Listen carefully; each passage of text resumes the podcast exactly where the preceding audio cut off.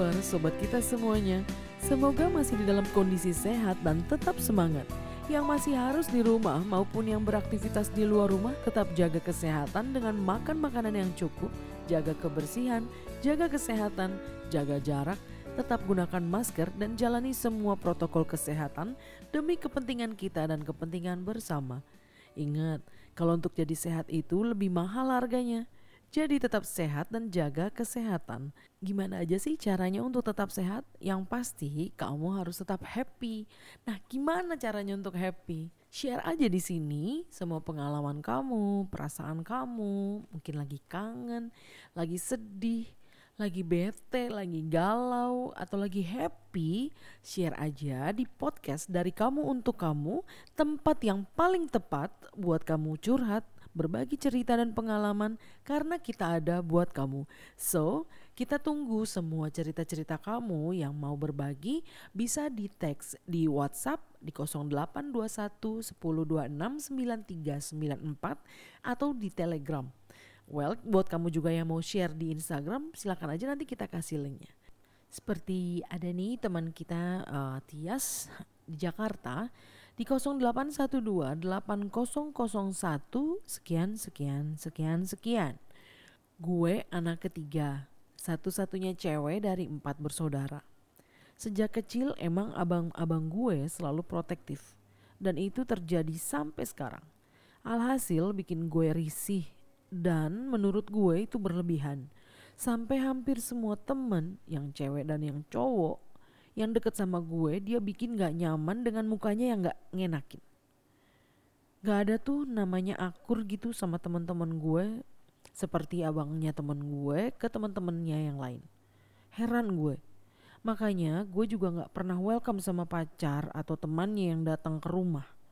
Bukan maunya gue kayak gitu. Tapi karena gue cuma mau, dia juga tahu betapa gak enaknya diperlakukan begitu. Sejak itu, kita jadi sering perang dingin, nggak teguran, nggak pernah kumpul atau pergi bareng, nggak pernah ada di satu atap di waktu yang sama. Sedih sih gue. Sementara gue jadi sering ke rumah temen gue. Karena nggak betah di rumah dan lihat hubungan kakak adik yang harmonis dari temen gue. Sumpah, gue iri. Orang tua gue juga udah berusaha ngumpulin kita sih tapi nggak guna. Seandainya aja bisa berubah, apa yang harus gue lakukan ya? Kalau menurut gue di sini ada beberapa poin yang harus uh, gue highlight. Seperti poin yang paling utama adalah komunikasi. How you communicate about your feelings. Pada dasarnya dari satu sisi, dari sisi kakak lo, ini merupakan bentuk perhatian dari seorang kakak terhadap adiknya Mengingat lo juga kan anak terakhir dari satu-satunya cewek di antara empat orang kakak lo yang cowok. Begitu. Tapi kalau memang salah satu ada yang merasa nggak nyaman, berarti ada hal yang berlebihan. Uh, sebaiknya untuk mengatasi hal itu, kalian duduk bareng, saling mengutarakan dengan tepat unek-unek dan harapan kalian ke depan seperti apa. Karena unek-unek ini harus keluar dulu nih Uh, kenapa unduk-unduk ini harus keluar? Karena kan lu nggak merasa nggak nyaman. Dan kenapa lu mau tahu alasannya kenapa sih kakak lu melakukan hal itu? Kenapa lu mau bicara seperti ini sekarang supaya ke depannya nggak berlarut-larut uh, menanam kebencian gitu sama mereka? Dan pertanyaan lo terjawab apa sih kenapa sih mereka melakukan hal itu tuh kenapa? Gitu. Jadi lu juga perlu tahu alasannya mereka kenapa dan mereka juga perlu tahu uh, gimana perasaan lo selama ini begitu. Nah Kemudian uh, setelah berbicara, uh, setelah mengutarakan uh, unek-unek kalian semua di situ dan dibicarakan juga nanti supaya ke depannya lebih baik ya seperti apa. Nah kan itu harus ada kata sepakat dari kedua belah pihak dari kakak-kakak lo dan juga lu. Maksudnya kesepakatan ini adalah perjanjian. Mungkin ada ketakutan dari kakak lo mengenai beberapa hal. Dan lo juga mau supaya kakak lo tidak melakukan atau tidak mengulangi uh, hal yang seperti itu lagi. Nah ini harus ada sepakat. Begitu. Uh, sepakat ini kemudian ada perjanjian. Ketika uh, ketika nanti ketakutan kakak lo itu terjadi Nah, lo harus terima punishment nih gitu. Tetapi ketika semuanya berjalan mulus, itu suatu pembuktian buat lo, begitu kan? Nah, ketika sudah ada pembuktian, uh, ketika semua sudah ada perubahan, tapi kalian juga harus uh, menghargai namanya ada sebuah rangkaian progres begitu. Harus menghargai rangkaian progres karena setiap hal yang dilakukan itu nggak mulus begitu aja. Pasti nanti ada kegagalan-kegagalan, pasti nanti ada rintangan atau pasti ada kesalahan-kesalahan. Nah ini harus dimaklumin begitu. Uh, yang tadinya uh, kebiasaan yang terjadi lagi begitu hanya diingatin aja. Nah, ini namanya progres. Nanti pastinya akan berkurang begitu. Nah, kemudian poin yang kedua uh, sebaiknya tidak melakukan hal yang sama yang tidak disukai. Uh, seperti tadi kan lo mengutarakan kalau uh, seperti tadi uh, lo bilang kalau lo juga uh, akhirnya jadi melakukan hal yang sama seperti kakak lo kalau teman-temannya datang lo pasang muka gak enak juga begitu. Jadi sebaiknya tidak melakukan hal itu yang tidak disukai juga. Kalau lo nggak suka, jangan melakukan hal itu juga kepada orang lain begitu maksudnya. Karena itu hanya membuat kalian akan saling menyakiti dan menimbulkan sakit hati aja gitu. Jadi cuman uh, membangun kebencian yang gak jelas. Yang nanti ujung-ujungnya akan saling menyalahkan gitu. Dan uh, biasanya seperti yang terjadi yang udah terjadi saat inilah pokoknya. Jadi sa eh, saling menyerang gitu kan. Tapi nanti ketika diomongin atau dibicarain uh, jadi saling nyalahin gitu. Karena memang nggak nggak tahu gitu ujung-ujung awalnya tuh dari mana gitu kan. Cuman jadi main balas-balasan. Nah daripada uh, lo buang-buang energi ke hal-hal yang sebenarnya lo nggak suka uh, kemudian kakak lo juga nggak suka gitu kan lebih baik usahakan untuk duduk bareng. Memang hal ini pun uh, untuk duduk bareng ngomong ini pun nggak mudah gitu. Uh, karena perlu keberanian. Karena lo kan uh, harus juga menyangkal mereka apa yang mereka nggak suka apa yang mereka pikirin dan lo nggak suka meredam emosi gitu ya. namanya ngedengerin gitu ngedengerin mereka uh, kemudian harus juga menerima pendapatnya mereka begitu. Itu biasanya hal-hal yang bertentangan sama lo. Mendingan sih lebih worth it lagi kalau lo ajak mereka untuk duduk bareng deh gitu. Karena itu kan ada hasilnya lebih lebih baik melakukan hal itu gitu. Kemudian yang poin terakhir uh, hindari pelarian. Misalnya lo lebih akhirnya sekarang um, lo lebih suka ke rumah teman lo karena kondisi mereka lebih harmonis. Um, lo mendapatkan apa yang tidak lo dapatkan di rumah gitu kan. Jadi lebih baik hindari pelarian lo main boleh tetapi tidak lari dari kenyataan lo dari yang apa yang uh, realitas lo di rumah gitu. Jadi uh, stop membanding-bandingkan apa yang lo punya dengan yang dimiliki orang lain. Karena itu worthless sih enggak enggak ada manfaatnya gitu. No point gitu kan. Nah uh, se karena sejauh apa pun lo berlari at the end gitu lo akan kembali ke realita uh, di mana lu dengan kakak lu seperti itu gitu. Lu di rumah seperti itu dan kenyataannya memang harus lo hadapin. Nah daripada lo membandingkan dengan mereka dengan teman-teman lo yang keluarganya harmonis yang hubungan sama kakaknya lebih baik gitu kan. Nah mendingan lo cari tahu juga kenapa sih mereka bisa seharmonis itu? Gimana caranya mereka supaya bisa punya hubungan lebih baik gitu. Kakak adik yang baik lo lihat nggak perlu bertanya sebenarnya. Tapi karena lo sering melihat itu um, lo bisa lo lihat dengan kasat mata gitu kan. Gimana cara komunikasi mereka kemudian gimana mengatasi ketika mereka ada masalah. Karena kakak adik itu selalu akan ada masalah pasti apalagi uh, cewek dan cowok gitu. Jadi lo lihat itu kondisinya. Oh iya mereka um, mengatasi masalahnya seperti ini. Mungkin lo bisa terapkan itu di rumah dengan kakak-kakak lo gitu. Jadi uh, daripada membandingkan kemudian lo lebih nyaman di luar dan lo lari dari rumah lo atau lo lebih sering di rumah teman lo um, mendingan ayo ngomong duduk bareng. Karena dengan begitu akan lebih baik jelas gitu ada hasilnya. Memang awalnya pasti sulit perlu dilakukan mungkin berkali-kali gitu beberapa kali karena memang ini sudah berapa lama terjadi gitu kan. Jadi memang perlu proses. Nah lo harus hargain proses itu. Uh, setelah kalian berbicara duduk bareng gitu ya lo juga harus legowo sih. Uh, lo harus mendengar gitu keluhannya mereka. Maksudnya kenapa alasannya mereka melakukan itu? Itu berat sih. Lo harus ngedenger alasan-alasan yang kadang-kadang memang mungkin buat lo ya lo nggak mungkin gitu. Nggak masuk di akal. Tapi itu dari sisinya dia harus lo hargain. Dan sama halnya seperti ketika lo mengutarakan um, mengutarakan keinginan lo buat mereka juga nothing gitu. Tapi mereka harus menghargai itu. Ketika nanti sudah uh, awal-awalnya emosi pasti nanti ke uh, beberapa beberapa lama kemudian pasti akan oke okay, gitu nah ketika oke okay itu ada kata sepakat nah ketika ada kata sepakat ada perjanjian gitu kan ada perjanjian kan kemudian uh, jalanin deh. Hargain adanya proses ya adanya progres. Uh, lihat nanti akan ada perubahan. Nah di situ lo harus tunjukin juga kalau lo bisa bertanggung jawab jadi tidak terjadi kesalahan gitu kan tidak terjadi apa yang ditakutin sama kakak lo selama ini. Begitu.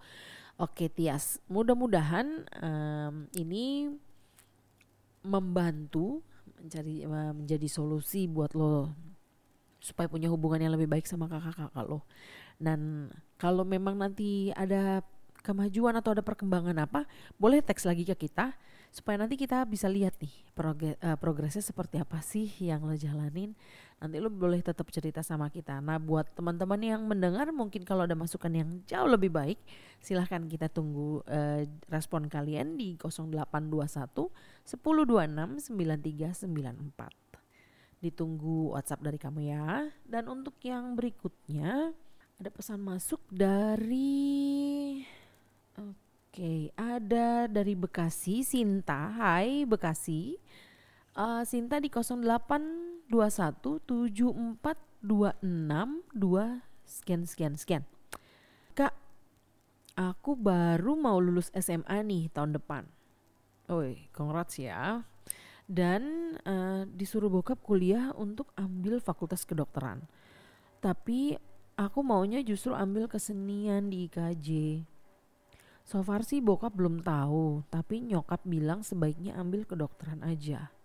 Karena bokap maunya begitu. Dan supaya bokap bangga. Emang kalau aku ambil kesenian uh, bukan hal yang membanggakan ya? Aku jenuh banget kalau harus belajar mati-matian terus kak. Kan tahu sendiri kedokteran sekolahnya seperti apa. Sorry bukan berarti kesenian itu hal yang gampang juga sih. Tapi tekanannya itu loh nyesel banget harus lulus sekolah kalau begini caranya. Gimana ya meyakinkan bokap dan nyokap supaya kasih izin supaya aku bisa kuliah di IKJ dan ambil kesenian. Aku suka banget dengan seni peran seperti teater.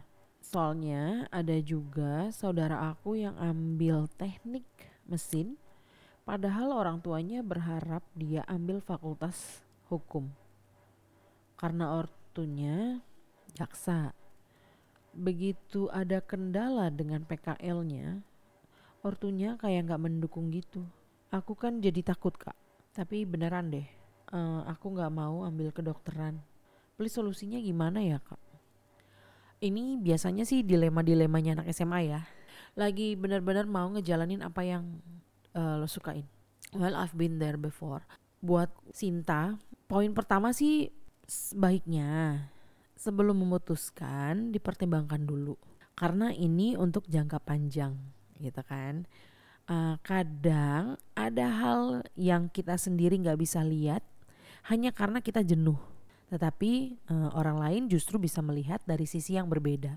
Apalagi misalnya itu orang tua gitu kan. Di satu sisi kenapa ortu support supaya lo bisa masuk kedokteran? Uh, karena mereka udah lihat nih. Dan mereka udah menilai uh, kalau lo mampu mereka kan bisa melihat dari kompetensi lo ya dari hasil sekolah gitu kan. Nah kalau uh, mereka lihat lo nggak mampu kan nggak mungkin juga mereka akan paksa lo di kedokteran. Jadi misalnya gini bokap gue dokter gue sekolah SMA dan nilai-nilai gue nggak bagus gitu kan. Artinya kurang lah apa iya bokap gue akan support gue atau maksa gue jadi kedokteran itu gak mungkin gitu kan jadi kalau gue lihat nih kalau memang lo bilang bokap lo maksa lo untuk uh, support lo untuk masuk kedokteran yang sedikit memaksa menurut lo ini karena dia lihat kompetensi lo, dia lihat lo mampu gitu. Dari hasil-hasil nilai dari nilai-nilai sekolah lo mungkin bagus gitu kan dan lo dilihat lo belajar, lo tekun gitu.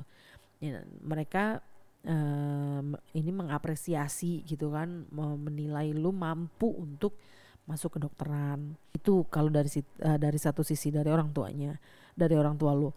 Nah kalau misalnya ya tadi gue bilang ya mereka kan uh, pasti kan melihat dari pencapaian lu selama lu sekolah gitu. Atau nggak ada salahnya juga kalau misalnya untuk tanya ke bokap gitu kan. Uh, kenapa lo harus ambil kedokteran? Apa alasannya? Apakah memang cuman karena uh, bokap dokter kemudian dia berharap lu juga dokter gitu kan? Dan ya lu tanya lah sama bokap alasannya apa dan lu keep sih keep in mind sih jawabannya bokap reasonnya apa gitu kan.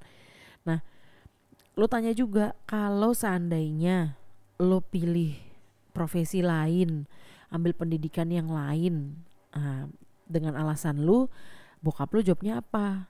Nah setelah ada jawaban, lo lo harus berpikir lagi tuh, lo harus membanding-bandingkan, pertimbangkan keinginan lo dan keinginan orang tua, gitu kan?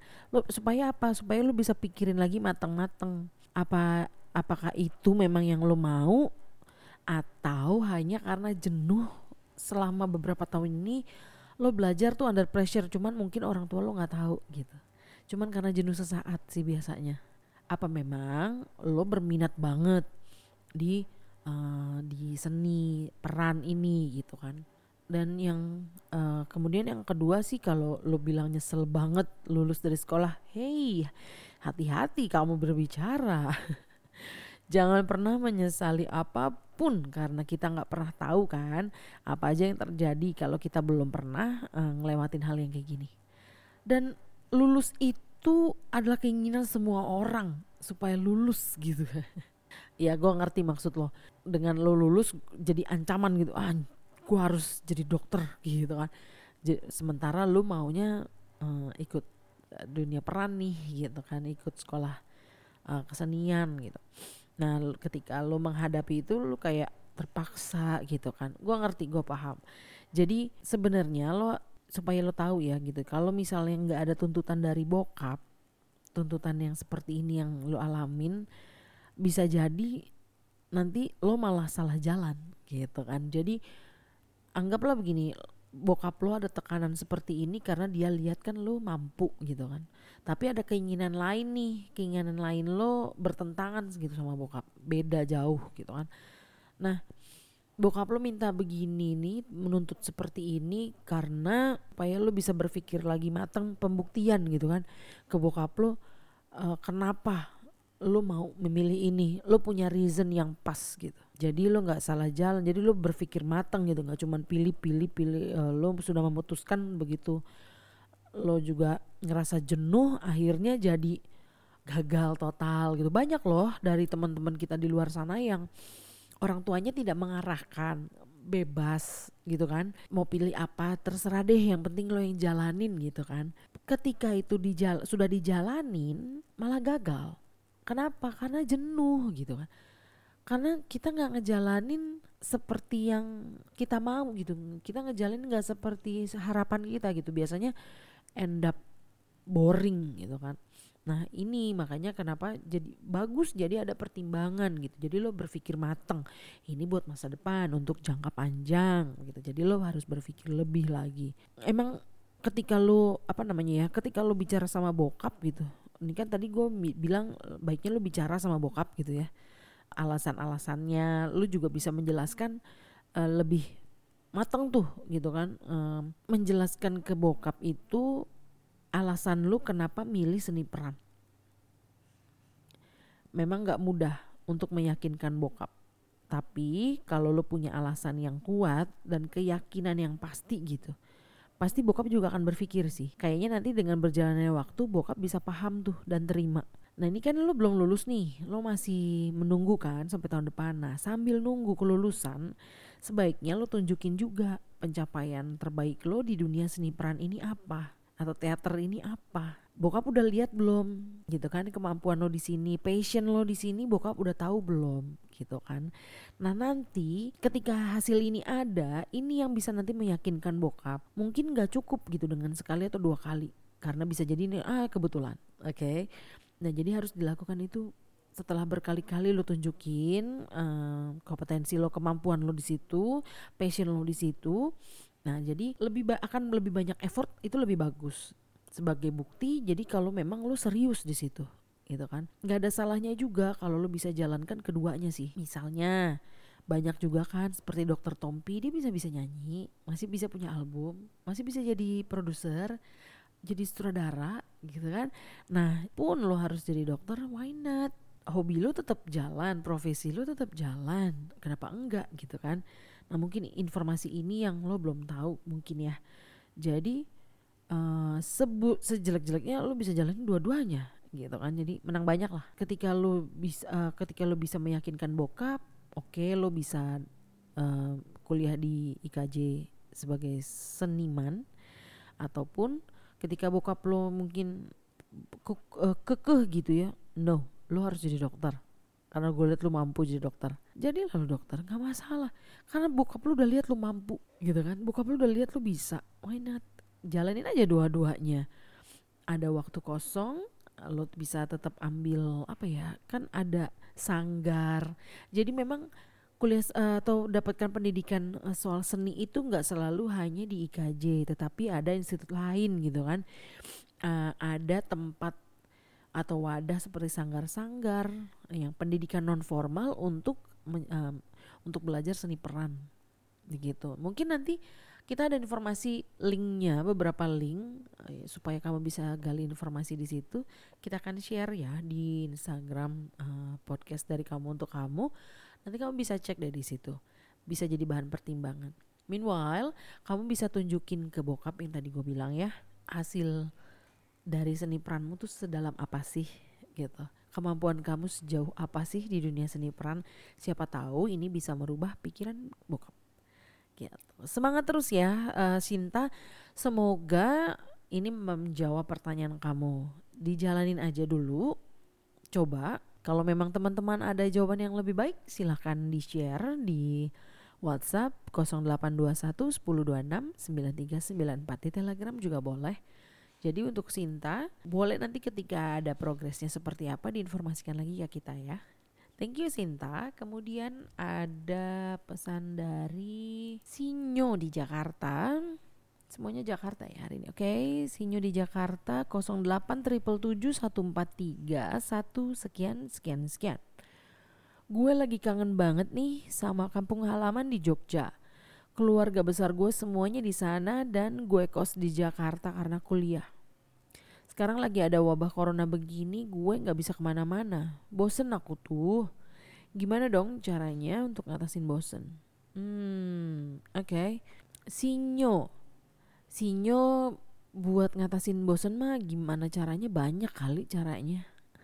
Oke okay, karena memang nggak boleh kumpul-kumpul sih ya. Jadi gini kalau sekarang sih udah boleh deh untuk ke Jogja atau ke mana pun asalkan masih mengikuti protokol kesehatan yang sudah ditentukan. Dan kan karena ini ya demi kebaikan bersama lah ya ketika lo mengunjungi keluarga nanti keluarga gimana apakah lo carrier kita sih berharap semuanya sehat gitu kan. Jadi kalau memang lo harus di Jakarta pun di kosan ya so why not? Nggak apa-apa. Um, walaupun kamu di kosan juga kan uh, bisa tuh beraktivitas gitu kan um, bisa menghasilkan sesuatu yang jadi cuan gitu loh.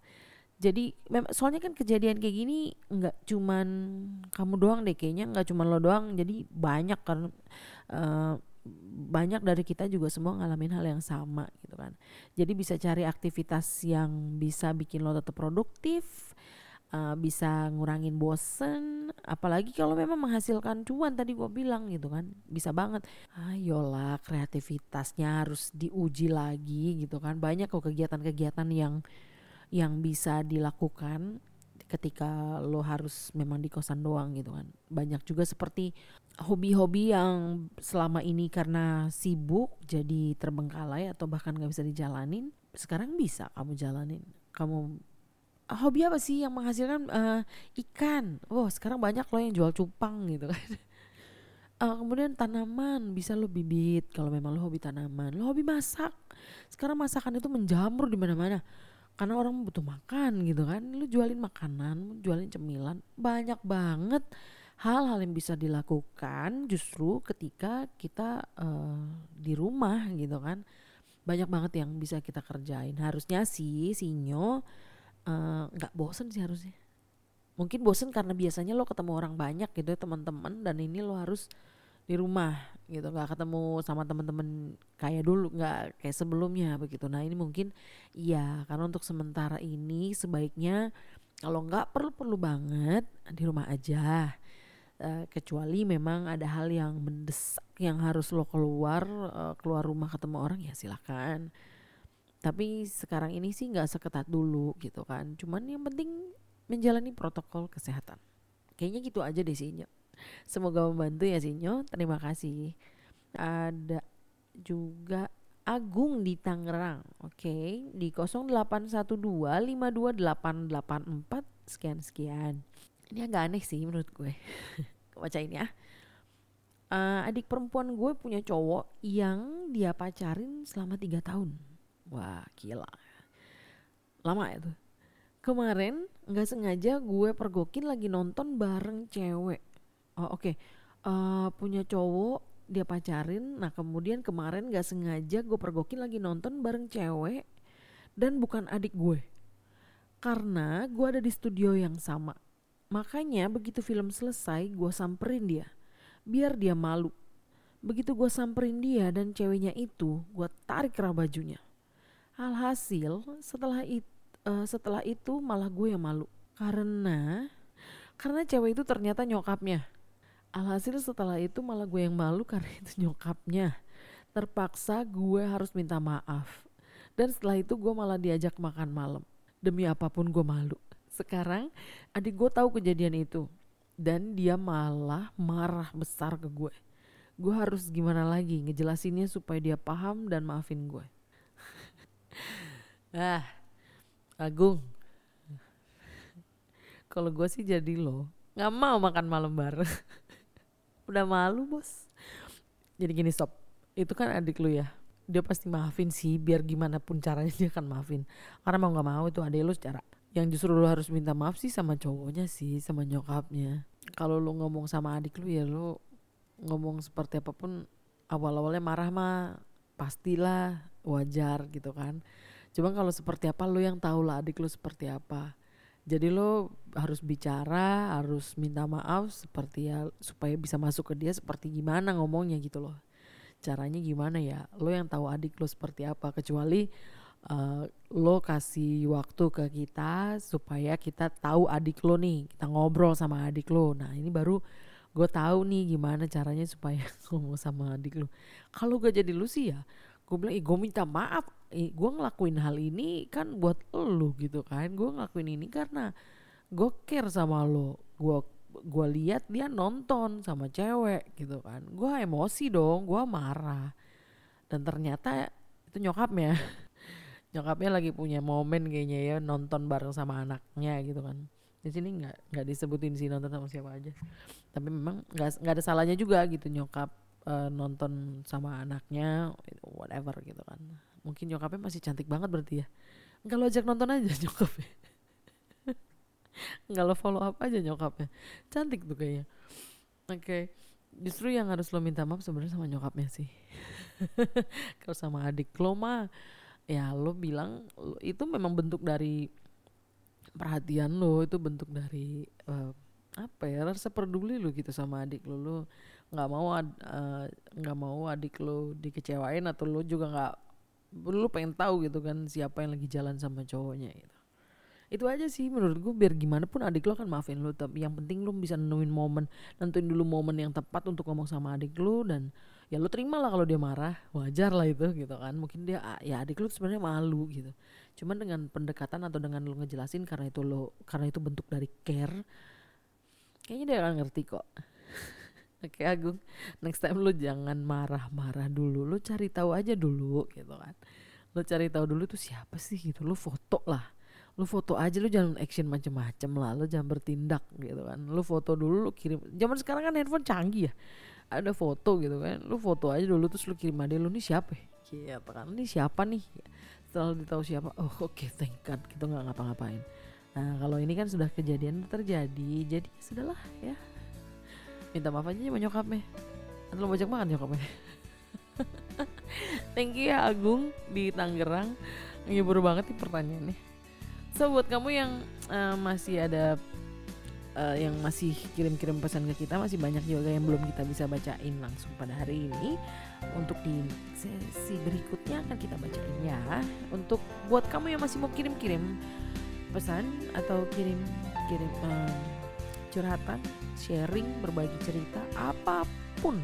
Mau happy mau yang bete mau yang sedih masalah apa pun share aja ke kita di 0821 1026 9394 gue ulangi lagi ya di 10, uh, 0821 1026 9394 boleh di WhatsApp maupun di Telegram Oke, buat yang sudah berpartisipasi, terima kasih banyak. Buat kamu yang sudah mendengarkan kita dari awal sampai dengan akhir, terima kasih banyak. Semoga pengalaman yang sudah di-share pada hari ini juga bermanfaat bagi kalian semua yang mendengarkan. So, tetap sehat, tetap semangat. See you next time. Bye-bye.